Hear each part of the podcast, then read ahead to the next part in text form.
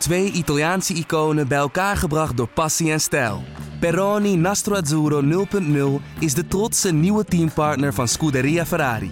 Doe mee met ons en de meest gepassioneerde fans op het circuit, de Tifosi. Samen volgen we het raceseizoen van 2024. Salute, Tifosi! Welkom bij de derde aflevering van de Nu Sport podcast met daarin de Grand Prix van China.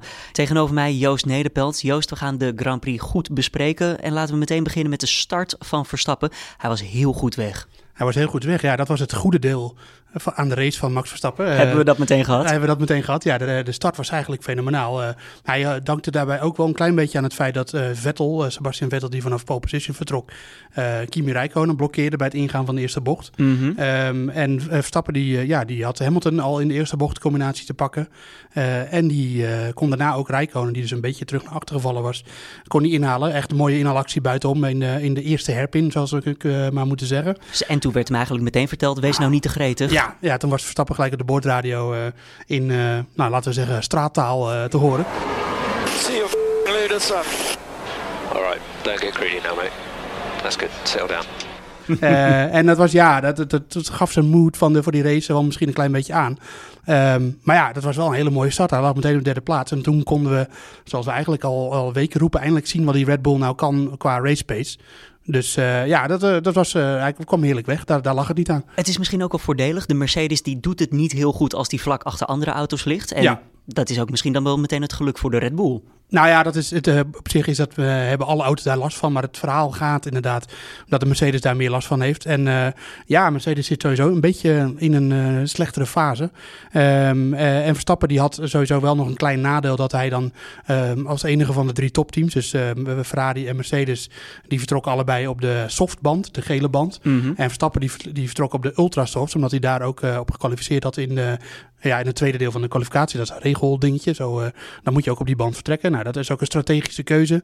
Um, ik had zelf het idee dat het, uh, dat het voor Ferrari en Mercedes iets beter uitpakte. Maar, want Verstappen kon uh, Bottas en Vettel voor hem niet bijhouden.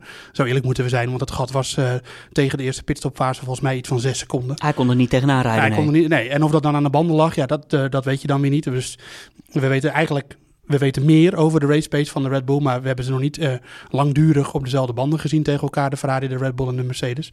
Uh, maar dat het goed is, dat, uh, dat kunnen we wel concluderen.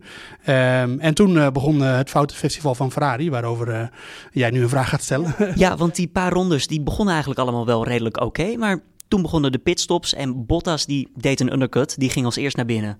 Ja, als eerste gingen de, de Red Bulls uh, naar binnen natuurlijk. Ja, okay, die ook nog inderdaad een mooie ja, dubbelstop. Die, hele mooie dubbel. Dat hield verder niet heel veel aan. Uh... Nee, maar dat had wel een signaal moeten zijn voor, uh, voor Ferrari. en het rondje daarna. Hoe dat dan?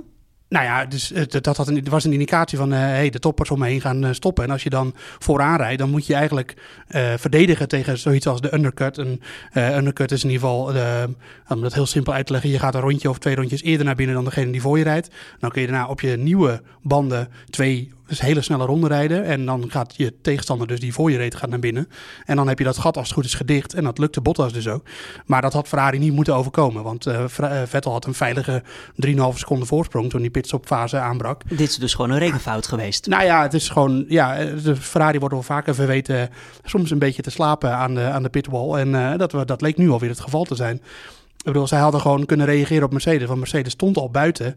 Uh, toen, uh, toen Bottas uh, op het rechte stuk reed. dat lange rechte stuk erachter. En dat had Ferrari kunnen zien. Mm -hmm. En dan wachten ze nog weer voordat Vettel naar binnen gaat. Ja. Het ik, werd wel spannend toen. het werd wel spannend. Ja. En daardoor leek het er eigenlijk op alsof Bottas de, zege, Bottas de zege cadeau kreeg. Want ik weet niet of Ferrari had gedacht van... nou, we kunnen, we kunnen Bottas op de baan wel inhalen. Nou, dat ging echt niet lukken. Want Vettel kwam dankzij... Rijkonen werd nog opgeofferd. En daardoor werd kwam Vettel wel in de DRS-gebied van, van Bottas. Maar zelfs toen kwam hij er niet voorbij. Dus uh, ja, dat was echt een blunder van Ferrari eigenlijk. Alleen uh, ja, ze werden uiteindelijk gered door die safety car uh, fase. Ja, want als we daarop uh, even inhaken, twee Toro Rosso's met elkaar, eigenlijk gewoon een hele domme fout, toch? Ja, nou ja, dat, het, het was een communicatiefoutje. Ehm, eh, eh, Gasly dacht... Zeiden ze achteraf. Zeiden ze achteraf. Nou ja, dat, het was ook wel zo merkwaardig dat dat kun je daar wel op gooien. Uh, Gasly dacht dus dat Hartley hem daar voorbij zou laten. En Hartley dacht bij het uitkomen van de bocht laat ik hem voorbij. Mhm. en ja, nou rijdt ze tegen elkaar aan. Nou ja, dat, dat maakt voor de voor het verloop van de race voor hunzelf natuurlijk niet zoveel uit. Maar het was wel het moment waarop de race volledig kantelde.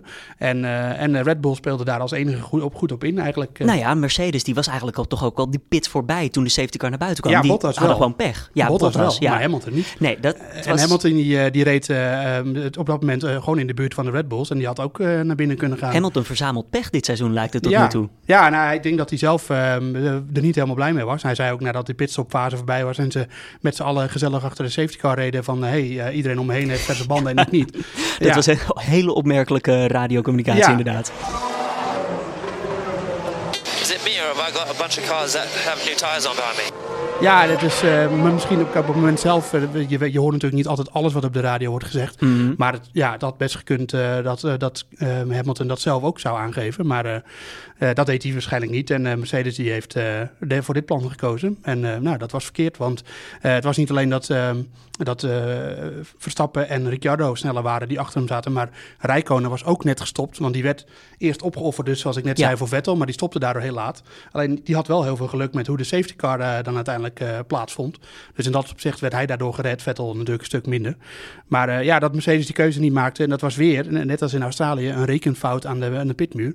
Dus uh, Ferrari en Mercedes, allebei strategisch gezien niet heel sterk. Dat kunnen we wel concluderen. Ja, dan die fantastische inhaalacties van Red Bull. Want zoals je al zei, ze waren sneller. Ze maakten daar ook heel goed gebruik van. Ja. Al moeten we zeggen, Max Verstappen, die maakte er ietsjes te veel gebruik van. Ja, Verstappen was ongeduldig. En nou ja, dat zei, zeiden we natuurlijk net ook al. Dat hij na die inhaalacties in de eerste ronde al uh, redelijk gretig op de microfoon ja. of op de, de radio uh, overkwam. En uh, nou ja, dat bewees hij dus ook wel. Hij wilde, hij, Verstappen wil heel graag een keer een goede race rijden. Mm -hmm. En ja, je kan soms te graag willen. En Verstappen die is natuurlijk, dat, dat, dat vieren we allemaal aan hem, dat dat het zo goed is aan hem. Dat hij een inhaalactie altijd inzet en altijd het probeert. En dat, dat moet hij ook helemaal niet gaan veranderen. Alleen, ja, dat het moment dat hij Hamilton ingeer wilde halen buitenom in die hele snelle bocht. Ja kan gebeuren dat je daar probeert. Ik heb het wel eens gezien dat iemand daarin haalde, maar dan zat hij er op bij het ingaan van de bocht al naast. De Verstappen zat er eigenlijk nog schuin achter. En Hamilton op die manier daar inhalen, ja, hij had dat beter kunnen doen. Uh, daardoor verloor hij een plekje aan Ricciardo natuurlijk. Mm -hmm. Dat was eigenlijk voor Ricciardo al het beslissende moment uh, van de race. Want daardoor was hij uh, niet de voorste op de baan, maar wel de snelste op de baan met de beste banden. Dus al had dat niet gebeurd. En we hadden dan, op dat moment nog volgens mij uit mijn hoofd tien rondes te gaan. Nou, nog veel meer. Nog meer zelfs? Ja, nog veel meer. Ja, volgens mij was het zelfs nog twintig rondes. Nog twintig? Nou, ja. kan je nagaan hoeveel ja. tijd je had op dat moment. Ja, en hij, de, Ricciardo laat, liet daarna gewoon zien dat geduld loont af en toe. En, en ik moet zeggen, um, Verstappen, we, we hebben het zo nog wel even uitgebreid over die Ja. aanvaring met Vettel natuurlijk. Maar eh, eh, die inhaalactie van Ricciardo op Bottas was ook met heel veel risico. Hij sneed hem natuurlijk binnendoor bij die hairpin. Eh, hij raakte Bottas daar bijna bij. En natuurlijk eh, als, als, als. Maar dat kon ook net zo goed fout gaan. En ook, eh, je moet soms risico nemen met een inhaalactie. En het is ook niet zo dat Verstappen veel te veel risico nam met die inhaalactie op Vettel. Eh, als we het er dan nu toch over hebben. want Vettel die ging inderdaad, de nam de bocht te wijd. En als je dan, zoals dat heet, de apex haalt, de binnenkant van de bocht, dan kun je er voorbij. Het was op zich helemaal niet gek. Alleen zijn achterbanden blokkeerden bij het remmen. En daardoor gleed hij tegen Vettel aan. Dat was het enige wat er gebeurde. Als het gelukt was, was iedereen blij geweest. Ja, nou ja, goed, je moet natuurlijk risico nemen. En het is niet om Verstappen te verdedigen, want hij was natuurlijk gewoon te ongeduldig. En het had niet gehoeven. En hij had ook kunnen wachten tot de DRS-zone daarna op het eh, op start-finish. Want dan had hij Vettel er ook, Mhm. eh, had hij ook kunnen passeren. Want Vettel die zei al, ja, ik wilde eigenlijk helemaal geen weerstand bieden, want ik wist dat hij er toch wel voorbij zou Het komen. was duidelijk dat er een enorm verschil zat in de snelheid, hoe snel eh zij Ja, die maar rondes Verstappen reden. is dan gewoon Ja. een coureur die tanden in het stuur en denkt, ik wil er zo snel mogelijk voorbij. Elke seconde die ik verlies, die, eh, die verlies ik weer op, op Ricciardo die voor me rijdt. Ja, Kijk, dat was een, waarschijnlijk de, de drive van Verstappen om het zo snel mogelijk te doen allemaal. Is omdat Ricciardo op dat moment natuurlijk door die fout de- met het inhalen van Hamilton, eh Ric- Ricciardo reed toen voor hem. mhm. En eh, ja, eh, Verstappen dacht, piep, nu Hij rijdt, ook nog rijdt mijn teamgenoot rijdt voor me. En dat was niet de bedoeling. Ik ging winnen vandaag. En ehm, ja, daarom was hij waarschijnlijk te gretig. En dat moet, zo'n fout moet hij niet maken. Daar leert hij van. Hij bo- bood ook meteen zijn excuses aan na afloop. En ik heb Hamilton op 20-jarige leeftijd ook dat soort fouten zien maken. En ik heb Vettel dat soort fouten ook zien maken. En dat toen hij jong was. En Verstappen rijdt natuurlijk al best wel lang in de Formule 1, maar hij is nog steeds heel erg jong. Maar laten we duidelijk zijn, hij hoeft niet uh, bang te zijn voor zijn plek hierdoor, toch? Nee, Door dit soort dingen. Nee. nee, nee, nee, nee. Maar dat, ja, dat, het is natuurlijk de waan van de dag die regeert in zo'n situatie. En natuurlijk uh, krijgt Verstappen nu even de wind van voren. En natuurlijk zullen er heel veel mensen zijn die de sport niet echt goed begrijpen. Die nu zullen zeggen van, ja, zie je wel, Verstappen kan er niks van en uh, hij maakt alleen maar fouten. Maar die jongen is, is gewoon nog heel erg jong en heel Zei erg... Vettel nou ook niet zoiets bij die aanrijding van, nou, hierop hoef ik toch eigenlijk niets op te Nee, zeggen. nee, dat was ja, ook wel vaak- een beetje een vuile sneer. Ja, oké, maar dat is, eh, bedoel, als je in de auto zit en je zit in een competitieve omgeving en eh, bedoel, dan, dan, ja, dan reageer je zo. En eh, ik vond eigenlijk, mo- moet ik heel eerlijk zeggen, natuurlijk is het niet leuk dat, eh, dat eh, Verstappen tegen Vettel aanrijdt. Maar hoe het allemaal ging, wat Verstappen, hoe Verstappen reageerde, hoe Vettel reageerde, ja, niks op af te dingen eigenlijk. Professioneel Ja. uiteindelijk. eh, Ja, Verstappen die ook zei van, nou, dat is tussen mij en, geregeerd. En, en, volgende race is er weer een race en dan gaan we gewoon weer verder. En, eh, en Verstappen die zal ook niet helemaal eh, eh, te- aan de ten gronde gericht zijn nu dat dit gebeurd is. Die gaat ook gewoon lekker weer beginnen in, eh in eh, Azerbeidzjan de volgende race en, en klaar. Dat, is, dat zijn dingen, dat, die races die zitten ertussen dat je een keer een fout maakt. En ja, dat, dit was er één van. ja, Zeker over, op die leeftijd. Ja. over fouten gemaakt, dan toch nog eventjes terug naar Hamilton. Die sprak namelijk van een drama weekend. Niet Ja. alleen een race, gewoon alles was waardeloos voor hem. Ja, Hamilton die zit natuurlijk niet helemaal lekker in zijn hum momenteel. Drie, één race letterlijk verloren in Australië doordat de safety car naar buiten kwam op het moment dat het voor hem slecht uitkwam. Of de virtual safety car moet ik zeggen. Mhm. Daar verloor hij de race aan Vettel. In, in eh, Bahrein deed hij gewoon, eh, ook mede door een gridstraf, maar ook op snelheid, kon hij Ferrari ook al niet bijhouden. En nu eh, Ferrari eigenlijk in de race, want Vettel die reed in de eerste stint, dus de openingsfase reed hij gewoon wel iets weg bij Bottas. Ehm, in de race en in de kwalificatie de snelste. Ik denk dat Hamilton zich heel goed realiseert. Wij hebben op dit moment niet de snelste auto. Want die heeft Ferrari. Het, is, eh, het zijn de marginale verschillen, maar die tellen. Ronde bij ronde bij ronde telt het allemaal bij elkaar. Stel het allemaal bij elkaar op. En je, ik bedoel, eh, vooraan starten is altijd vooraan starten. En dan ben je altijd in het voordeel. Dus eh, als je in de kwalificatie, wat toch altijd het sterke punt was van Mercedes met de, de party mode. En we hebben het er allemaal al over gehad natuurlijk. En, eh, en in de race kun je er dan eigenlijk niet bij benen tempo. Of je bent in ieder geval niet sneller. Mhm. Dat is gewoon, ja, dat zijn ze niet gewend bij Mercedes. Het is, was voor het eerst sinds het, eh, het tijdperk van deze motoren, dus de hybride turbomotoren, dat is sinds 2014, dat Mercedes eigenlijk begon met domineren, dat ze nu drie wedstrijden op, op je rij niet hebben gewonnen. Ja, dat, ik denk dat, dat het voor Hamilton even een eh, reality check was, eh, China. Want het was ook de verwachting dat Bahrein, daar is het warm. Nou, warmte, dat komt meestal de Ferrari ten goede. En in China, dan is het andere temperaturen, ander asfalt. Dat, Ja. dat is een Mercedesbaan. En Ja. uiteindelijk... eh, En dan ja, is, is het toch even slikken als je, zeker als eh, Hamilton eh, zijn, het eigenlijk de Ferraris gewoon niet bij kan benen. Dus, Nou, gelukkig voor Mercedes staan ze nog wel eerst in het constructeurskampioenschap Ja. op dit moment. Maar, maar daar het geeft is nog Hamilton jong. helemaal niets om. Nee, hij, zal, zeker niet. hij zal natuurlijk PR-technisch zeggen van wel, maar hij wil gewoon kampioen worden. En wat er voor de rest gebeurt, dat het interesseert hem Zijn blik zegt vaak alles. Ja, ja het is, maar kijk, eh, eh, voor de Formule 1-fans is het natuurlijk hartstikke goed nieuws dat Mercedes niet meer domineert. Nee. En we moeten natuurlijk nu niet ook naar de situatie stil dat Ferrari gaat domineren. nee, maar dat is op dit moment ook niet aan is de ook orde, niet het denk ik. geval. Nee, want in Bahrein eh, zat Bottas even goed ook nog op de achtervleugel van Vettel toen ze over de streep gingen. En nu was het weer allemaal heel close natuurlijk. Dus ja, eigenlijk moeten we heel blij zijn, want het, het ziet er gewoon naar uit dat het een heel leuk seizoen gaat Ja, worden. Joost, om dan toch nog eventjes over boze blikken verder te gaan. Aan het einde van de wedstrijd ga ik weer even terug naar Vettel. Hij stond toch een partij te kijken naar die auto van Verstappen? Ja. Ja, misschien ging je kijken of Verstappen ook schade had, want hij had natuurlijk zelf best wel wat schade Mhm. nadat die eh, aanrijding was geweest. En hij zei zelf dat de balans helemaal weg was. Nou, dat konden we wel zien, want hij werd door de Renault en door de McLaren ingehaald.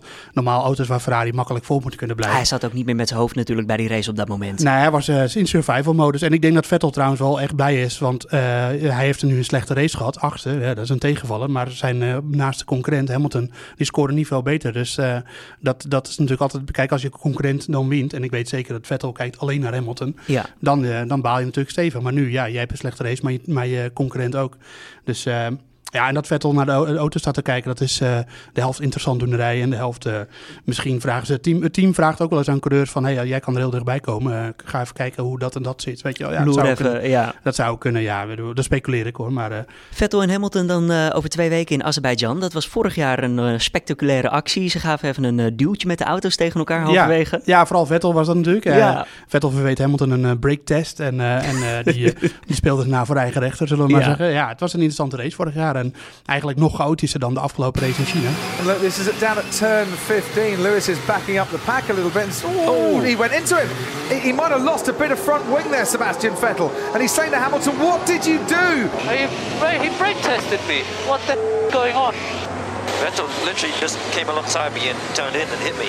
Er gebeurde zo ontzettend veel. En dat Ja. weer, als we nog een jaar terug gaan, gebeurde er weer helemaal niks. Nee. Maar uiteindelijk wist eh, ja, Red Bull Racing ook daar gewoon de eerste prijs Ja. te pakken. Het was weer een chaotische race. En wie trok er aan het langste eind? Mhm. Ricciardo, dat is geen toeval. hoor. Ja, meneer eh, Schoen. Ja, ja, de Shoei. Nee, ja, eh, Ricciardo is gewoon een, eh, is een klasbak. En op een hele andere manier dan Verstappen. Maar eh, iemand altijd om rekening mee te houden. Dus eh, Aan eh, eventjes een kleine vooruitblik. Eh, wel- voor welke auto trekt het beste eh, circuit in Azerbeidzjan?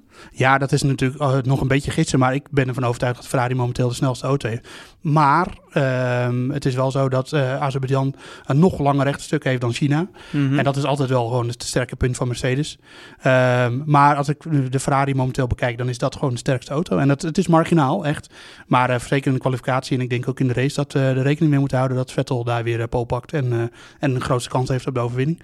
Maar ja, dat had hij in, in China ook. En uh, uiteindelijk liep het allemaal nog weer even anders. Dus uh, ja, genoeg spanning en sensatie verwacht ik weer. Zondag 29 april de Grand Prix van Azerbeidzjan. En daarna weer een nieuwe Nu Sport podcast. Tot ziens.